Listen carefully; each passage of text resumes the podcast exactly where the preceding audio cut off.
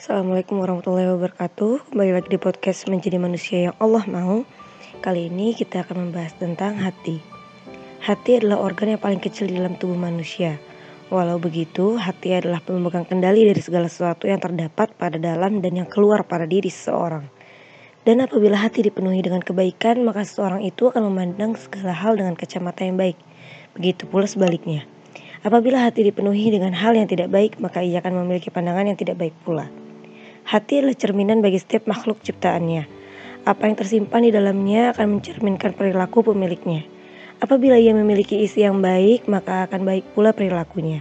Begitu pula sebaliknya, apabila ia memiliki isi yang tidak baik, maka akan tidak baik pula perilakunya. Hati adalah tempat kita dapat merasakan segala jenis emosi, dan hati mempunyai kekuasaan atas segala keputusan yang diambil oleh setiap insan. Hati mempunyai kuasa atas segala tindakan, hati menguasai pikiran.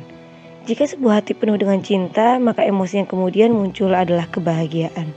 Seseorang yang penuh dengan kebahagiaan mampu memberikan kebahagiaan pada sekitarnya. Bahagia akan dengan mudah tersebar pada siapa pun. Dan jika bahagia itu tersebar, maka akan menciptakan sebuah lingkungan yang penuh dengan kebaikan. Namun sayangnya hati dapat merasakan sakit, dan hati yang sakit cenderung menyakiti hati lainnya. Kabar buruknya terlalu banyak hati yang tersakiti, dan banyak dari mereka yang tidak tahu bagaimana cara mengobati hati yang tersakiti itu. Memang waktu akan menyembuhkannya, tapi tidak jika kita tidak membiarkan waktu melakukannya. Waktu memang akan membawa segalanya, segala perasaan baik ataupun buruk akan dibawanya. Tetapi terkadang waktu membutuhkan izin sang pemilik hati untuk membawa perasaan yang begitu buruk. Dan terkadang sang pemilik hati tidak membiarkan itu terjadi. Kemudian perasaan itu menetap dan meninggalkan luka yang begitu dalam hingga ia tidak tak lagi tahu bagaimana menyembuhkan perasaan itu. Jika sang pemilik hati tidak merelakan perasaan itu pergi, maka waktu akan meninggalkannya, meninggalkan perasaan buruk itu bersama sang pemilik hati.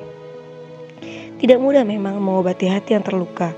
Kenangan tentang kejadian yang begitu buruk hingga membuat terpuruk memang tidak mudah terlupa. Bagaikan rekaman semua teringat jelas oleh sang pemilik hati terulang, terulang di setiap kesempatan, menyakiti tanpa jeda, mengiris hingga dalam.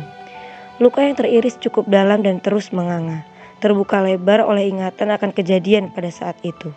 Kemudian air asam siap menyiram luka yang menganga itu, disiram dengan ingatan tentang bagaimana perasaan saat kejadian itu terjadi. Keadaan mendukung untuk terus membuka luka itu. Waktu membawa sang pemilik hati ke masa-masa itu. Sang pemilik hati mulai bertanya tentang keberpihakan waktu. Bukankah waktu akan membawa segalanya? Bukankah tugas waktu membawa apa pun itu entah baik ataupun buruk? Tapi mengapa waktu hanya meninggalkan sesuatu yang buruk? Waktu sudah berkali-kali memberi kesempatan agar memberikan segala luka untuk dibawa pergi. Waktu sudah berulang-ulang meminta untuk dapat menghapus segala ingatan buruk. Namun sang pemilik hati tidak menjawab. Sang pemilik hati membeku. Tanpa sadar ia memilih untuk tinggal dan waktu pun pergi meninggalkannya. Ia merasa seolah waktu telah berhenti, padahal semua itu hanyalah ilusi, ilusi yang dia buat. Alasan yang ia buat agar mereka tidak tahu bahwa sebenarnya ialah yang tidak bisa beranjak. Hingga pada suatu titik di mana ia mulai lelah dan mulai mencari waktu untuk ia pacu. Dengan gemetar ia berusaha bangkit, berdiri di atas kedua kaki yang telah rapuh. Waktu tersenyum melihatnya, waktu tahu ia sudah siap untuk berpacu dengannya, sehingga waktu pun kembali membantu siap untuk membawa segala sesuatu kenangan yang baik ataupun yang buruk yang diserahkan oleh sang pemilik hati. Sang pemilik hati pun sudah bersiap untuk berteman dengan waktu, bersahabat dengan luka dan yakin bahwa segalanya akan berjalan lebih baik. Sampai di mana ia mencoba untuk mengambil pelajaran dari hal-hal yang tidak menyenangkan itu, serta dapat memulai lagi lembar baru tanpa takut masa lalu akan menghantuinya. Ia sudah semakin kuat dan semakin kokoh. Jadi, Sebenarnya apa itu hati? Hati adalah sesuatu yang Allah kasih pada manusia yang di mana kalau secara medis mungkin hati itu sama seperti jantung atau bagaimana saya pun kurang paham. Karena kalau dalam bahasa Inggris heart itu bisa jantung ataupun bisa hati. Tapi kalau hati kolbi kolbi dalam bahasa Arabnya itu kol hati itulah sesuatu yang kita tidak bisa definisikan. Dan ia adalah tempat kita dapat merasa segala sesuatu dan semua emosi yang yang Allah beri kepada manusia. Emosi ba positif seperti bahagia, uh, apa bersemangat, terus habis itu mencinta dan lain sebagainya. Begitu pula emosi negatif seperti uh, sedih, kecewa, marah dan lain sebagainya. Nah, hati ini adalah cerminan setiap makhluk ya. Tapi kalau misalnya tentu kalau misalnya di hewan itu berbeda. Mereka mungkin mempunyai hati, mereka pun dapat mencinta, dapat mereka dapat merasakan cinta dari kita misalnya sebagai manusia. Banyak hewan-hewan seperti kucing, anjing, hamster, kelinci dan lain sebagainya yang biasa dipelihara oleh manusia itu dapat merasakan cinta dari uh, manusianya gitu. Nah, uh, tapi hewan itu berbedanya adalah tidak mereka tidak mempunyai akal, mereka mereka mempunyai otak tapi mereka tidak mempunyai akal dan mereka tidak mempunyai pikiran seperti manusia gitu. Itu yang membedakan kita dengan hewan. Ada pula kan pepatah yang bilang manusia tidak berbeda dengan hewan gitu. Nah, sebenarnya kalau misalnya kita lihat juga ya berita-berita sebelum Covid-19 ini itu saya tuh melihat berita itu ngenes ngenes dalam artian berita ada berita pembunuhan yang dilakukan oleh seorang anak remaja, berita seorang bapak kandung uh, memperkosa anak kandungnya sendiri dan wah seperti memang saya tuh saat melihat berita itu seperti kayak langsung teringat pepatah manusia tidak berbeda dengan hewan gitu. Langsung kayak wah kok bisa manusia seliar ini? gitu. Kok bisa mereka ke mana akalnya ke mana hatinya? kan itu yang kita pertanyakan. Nah dan kita sebagai manusia kan hati yang sakit cenderung menyakiti hati lainnya. Mungkin kita tidak tidak sadar bahwa hati kita itu sakit, bahwa hati kita itu tersakiti oleh makhluk lain itu, oleh manusia lain kita tidak sadar dan kita hanya berpikir tentang mm, menolak menolak perasaan emosi perasaan negatif atau emosi negatif itu hadir. Seperti ada di episode sebelumnya ya. Nah, kenapa kita uh, tidak tahu kalau hati kita tersakiti atau kenapa kita tidak bisa mencari pertolongan saat hati kita tersakiti. Apalagi saat hati itu menyakiti dan itu tuh dampaknya ke uh, mental ya, ke jiwa. Itu itu akan benar-benar uh, mempengaruhi perilaku seseorang dan mempengaruhi cara pandang orang tersebut. Mungkin orang tersebut tuh uh, bisa jadi orang tersebut sebenarnya tuh positif bahagia seling lihat orang-orang seperti itu. Tapi ternyata dia menyimpan luka di dalam hati yang dan mungkin luka itu dia tidak tahu cara bagaimana menyembuhkannya dia kena luka dia kena lagi kena lagi kena lagi kena lagi dan disimpan dalam gudang dalam tubuhnya. Kemudian ia luka-luka itu jadi menyakiti dia secara uh, mental secara hati. Dan lama-lama itu bisa mempengaruhi ke fisik gitu. Uh, saya akan bahas mungkin episode selanjutnya tentang cedera ya, cedera yang pernah saya alami juga. Dan saya akan sharing juga bagaimana bagaimana sih sebenarnya uh, kita tahu saat kita butuh pertolongan gitu, saat kita harus mencari profesional yang agar dapat membantu kita menata emosi kita, agar dapat membantu kita uh, menyalurkan emosi negatif. Jadi sebenarnya emosi negatif itu kan wajar. Saya udah bilang di episode sebelumnya bahwa emosi negatif itu adalah sesuatu hal yang wajar yang Allah kasih. Bahkan Rasulullah pun merasakan uh, kecewa, sedih, marah gitu. Tapi ada uh, kita lihat bagaimana Rasulullah SAW menyalurkan emosi-emosi itu agar tidak tersimpan di dalam gudang di dalam tubuh kita tadi. Nah, balik lagi bicara tentang hati, sebenarnya banyak sekali quotes-quotes yang disampaikan oleh sahabat-sahabat Rasulullah SAW, oleh uh, para habaib, oleh para alim ulama dan oleh para solih solihin gitu ya kan. Sebenarnya memang uh, hati itu uh, pemegang kendali ya atas sikap kita. Kalau kita pikir-pikir kadang banyak sekali momen-momen di mana kita itu mengambil keputusan karena tergantung hati kita gitu. Sedang mood atau tidak nih kalau misalnya yang perempuan kan moodnya suka swing ya. Apalagi dalam masa-masa menstruasi atau datang bulan itu moodnya swing banget. Bisa coba tiba-tiba marah moodnya benar-benar labil. Labil itu yang swingnya cepet gitu. Tiba-tiba sedih tiba-tiba kayak pengen pokoknya wah dari kalau kalian sebagai perempuan pasti merasakan lah ya mood kita tuh bener-bener uh, swing. Kalau misalnya deket-deket datang bulan atau setelah atau saat datang bulan itu. Nah kalau laki-laki mungkin saya kurang tahu karena saya juga bukan laki-laki. Mungkin kalian bisa lebih uh, lebih apa ya lebih mengat lebih mudah mengatur emosi kalian ya. Karena memang laki-laki kan diciptakan uh, logikanya lebih lebih presentasinya lebih daripada emosinya uh, kalian bisa dengar di episode sebelumnya tentang laki-laki dan perempuan nah ini saya ada bacain ini ya quotes dari Islam Post Jaga suasana hati, jangan biarkan sikap buruk orang lain kepada kita menentukan cara kita bertindak. Pilih untuk tetap berbuat baik sekalipun menerima hal yang tidak baik. Nah, ini yang Allah ajarkan, yang Rasulullah SAW ajarkan. Apa pun keadaannya, kita coba terus berbuat baik dan sebenarnya berbuat baik atau tidak itu pilihan. Kayak kayak waktu itu kan pernah ya ngetren film Joker.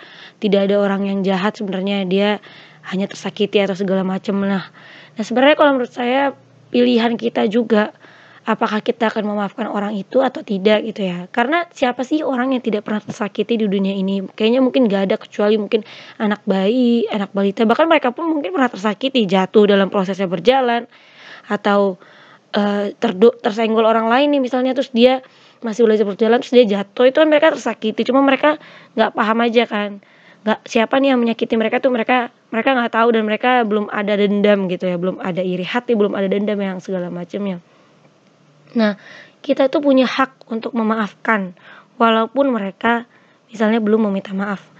Kalau saya sih berpikirnya kayak gini aja ya. Allah saja Maha Pengasih, Maha Penyayang, Maha Memaafkan. Kecuali memang dosa-dosa seperti syirik dan lain segala macam yang tidak bisa yang dosa besar gitu seperti riba atau segala macamnya.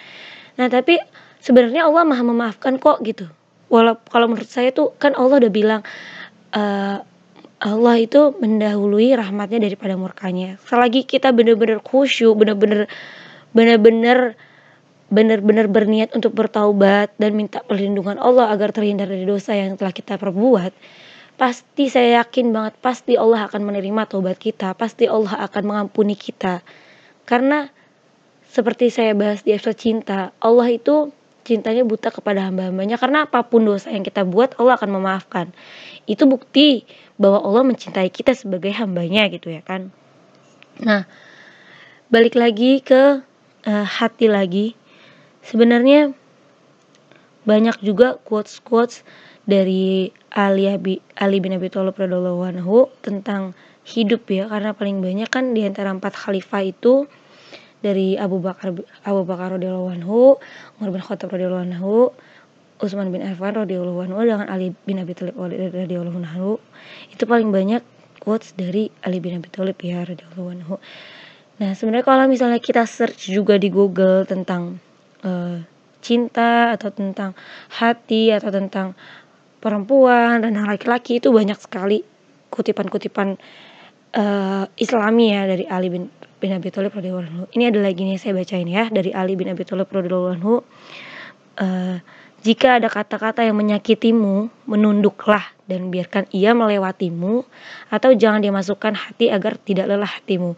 Nah, ini kita udah lihat maksudnya kalau kita juga dengar kisah-kisah beliau, apalagi Ali bin Abi Thalib radhiyallahu anhu itu kan masih saudara Rasulullah SAW ya dan dari kecil juga dengan beliau. Rasulullah Rasulullah SAW termasuk anak kecil pertama yang masuk Islam. Jika baca buku Ustazah Halimah Alaidrus judulnya tentang empat pilar cahaya itu ada empat golongan empat manusia yang pertama masuk Islam jadi dari golongan anak kecil golongan perempuan dan dua golongan lagi saya lupa. Pokoknya itu eh, tentang empat manusia pertama masuk Islam itu bagus banget. Ada tentang Ali bin Abi Thalib radhiyallahu juga. Jadi di sana tuh dilihat perjuangan dakwah secara sembunyi-sembunyi. Karena sebenarnya ya kita manusia di zaman sekarang zaman milenial kata orang-orang ya. Kita itu dakwah kita tuh nggak mungkin yang serem-serem deh gitu. Kecuali kalian memang ingin berperang ke Palestina misalnya. Ingin membela Palestina mungkin kalian akan mendengar bom segala macam dan lain sebagainya. Tapi kalau untuk kita di Indonesia ini itu sangat mudah benar-benar mudah. Kalian berbicara saja di depan di depan orang banyak. Atau seperti saya ini ngobrol saja di podcast berbagi kisah ambil dari sudut pandang Islam itu bisa dikategorikan dakwah. Bahkan dengan uh, desain dengan seni pun bisa dikategorikan dakwah jika kalian memang niatkan kepada Allah dan kalian kan niat agar semoga melalui usaha kalian ada juga hati-hati yang pintunya apa pintu hatinya terketuk dan kembali ke mengingat Allah lagi. Nah, itu sebenarnya kita mudah sekali dan dan menurut saya juga ya dakwah itu seharusnya dilakukan dengan cinta dilak maksudnya kita menda, seharusnya mendahului cinta daripada marah. Karena Allah pun mendahului rahmatnya daripada murkanya. Masa kita sebagai hamba Allah yang kita belum tahu juga posisi kita di hadapan Allah itu kita seperti apa. Karena kan seperti sebelumnya saya bilang bahwa tidak ada perbedaan antara laki-laki dan perempuan di hadapan Allah yang membedakan adalah takwanya. Nah itu kita nggak tahu posisi kita di hadapan Allah, kita nggak tahu perjalanan hidup kita nanti dan apa maksudnya kita kan wulu alam karena manusia ini bisa merasakan futur ya manusia ini labil gitu sifatnya. Nah masa kita mau mendakwah kepada saudara kita pada saudara sesama manusia pun masa kita mau mendahului marah kita daripada cinta kita gitu. Karena seharusnya kalau menurut saya kalau memang kita benar cinta dengan mereka karena Allah, benar cinta mereka dengan mereka karena Rasulullah SAW, maka kita akan bersikap sebagaimana Allah dan Rasulullah SAW mau. Karena kalau saya tuh kadang suka mikir gini loh, kalau misalnya ada orang yang uh, jahatin saya gitu secara tidak sengaja atau membuat hati saya luka tuh, saya pikir kadang uh, ya Allah kalau Rasulullah diginiin beliau akan bertindak seperti apa ya gitu. Atau kalau Rasulullah SAW diginiin pasti uh, beliau akan memaafkan segala macamnya. Cuman mungkin ada beberapa orang yang uh, memaafkan iya. Tetapi ada juga kayak saya nih waktu sebelum saya cedera saya terlalu sering menyalahkan diri saya sendiri gitu. Saya terlalu keras terhadap diri saya sendiri. Itu yang membuat saya akhirnya uh, tanpa sadar menyakiti diri saya sendiri ya. Maksudnya secara secara hati secara mental saya jadi cedera gitu. Bukan dengan menyakiti fisik gitu. Nah di situ saya uh, sulit mengelola maksudnya dulu tuh saya terlalu menuntut diri saya sempurna gitu.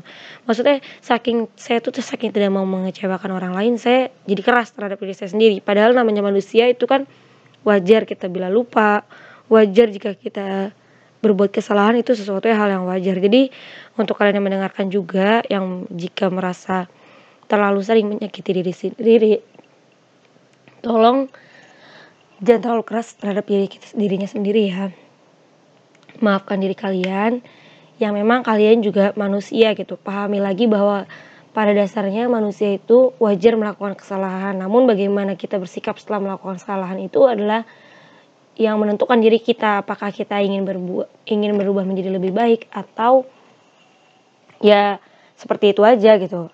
Apakah kita ingin meminta maaf kepada orang jika kita menyakiti, tidak sengaja menyakiti orang itu atau ya kita diam saja gitu. Karena pada zaman sekarang ini memang empati itu sangat kurang di masyarakat kita di karena set, apalagi semenjak online ini ya kalau saya juga saya kan juga uh, ikut bukan ikut saya juga sering nonton uh, menjadi manusia itu ya di YouTube ataupun di Instagram. Saya udah pernah saya bilang di episode awal kan bahwa memang eh, podcast ini terinspirasi oleh uh, mereka gitu Nah itu memang sepertinya tuh empati dari kita itu kurang sekali. Padahal empati itu penting.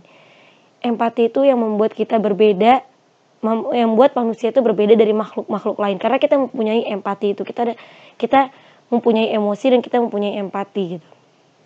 Nah, karena sebenarnya uh, apa sih yang membuat empati kita tuh bisa berkurang? Apa sih yang membuat hati kita jadi tidak peka gitu hati? Uh, saya juga pernah tulis di Instagram saya ya hati-hati dengan hati karena hati nurani bisa mati jika tidak digunakan lagi. Seperti halnya kaki, tangan yang jika tidak sering digunakan, misalnya kecelakaan nih, ya kan cedera, jarang digunakan, tidak mau rehabilitas. Ya kaki atau tangan itu dapat sulit untuk bergerak sama dengan hati nurani. Jika cedera tidak didengarkan, cedera lama-lama kita nggak bisa kedengeran deh hati nurani kita lagi gitu. Itu hati gitu sama kayak organ-organ tubuh lainnya.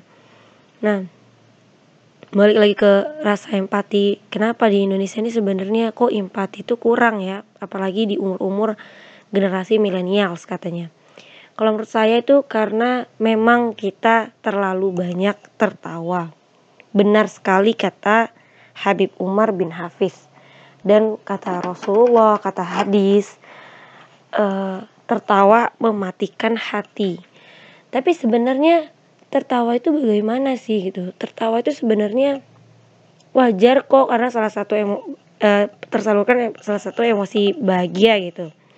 Tapi kalau misalnya kita dengar kajian atau kita lihat kita baca buku tentang Rasulullah atau kita dengar tentang Rasulullah SAW bagaimana beliau saat bahagia beliau tidak pernah tertawa terbahak-bahak beliau maksimal setahu saya tuh Rasulullah SAW tertawa tuh menampakkan gigi, tersenyum menampakkan gigi, tidak sampai ya tertawa itu terlalu lepas gitu, terlalu melepaskan emosinya, gitu, terlalu melepaskan bahagianya.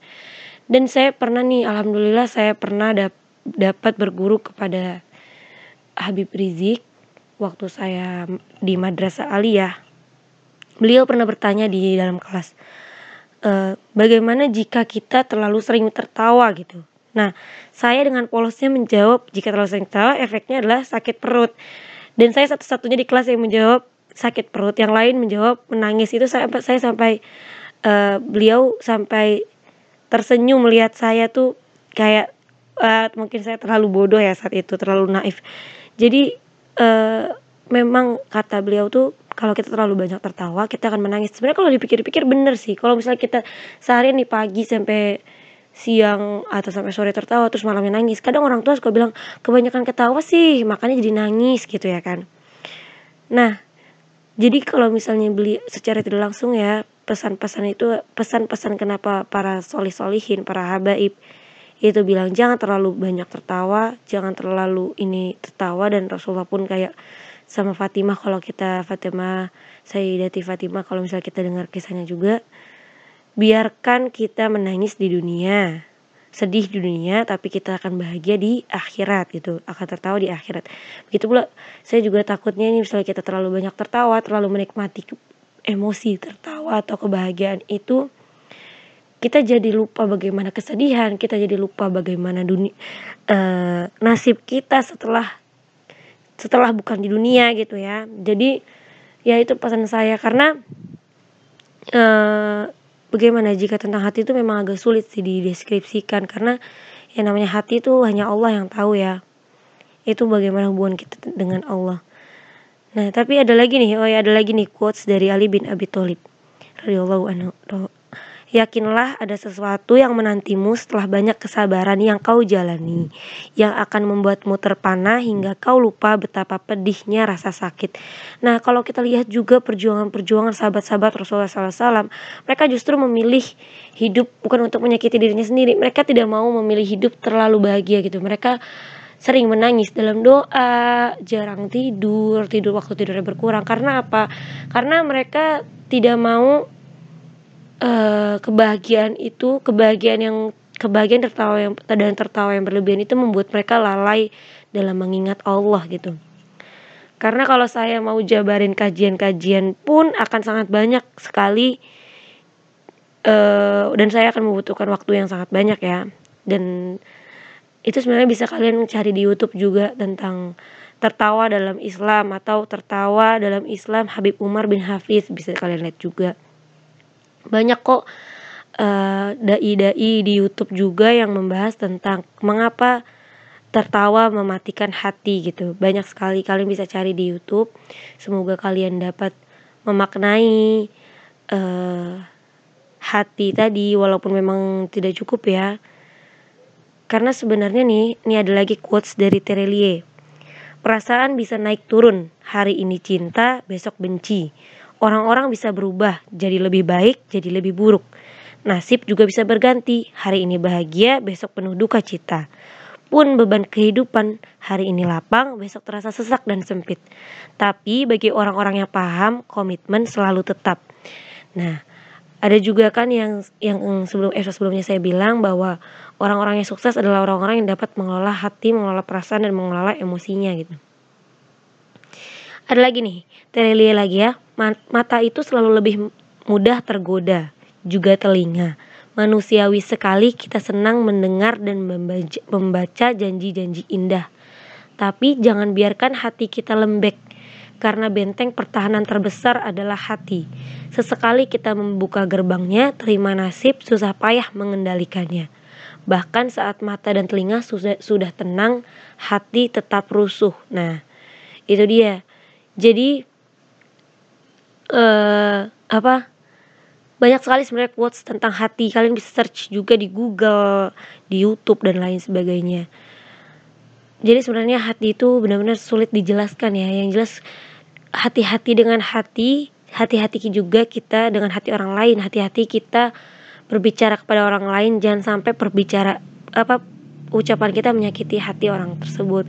Ada juga kan pepatah bahwa lidah lebih tajam daripada pedang. Nah, mungkin itu uh, termasuk dalam maksudnya mungkin itu juga yang saya bisa ngerasain uh, kenapa kita harus hati-hati dengan lidah kita gitu. Nah,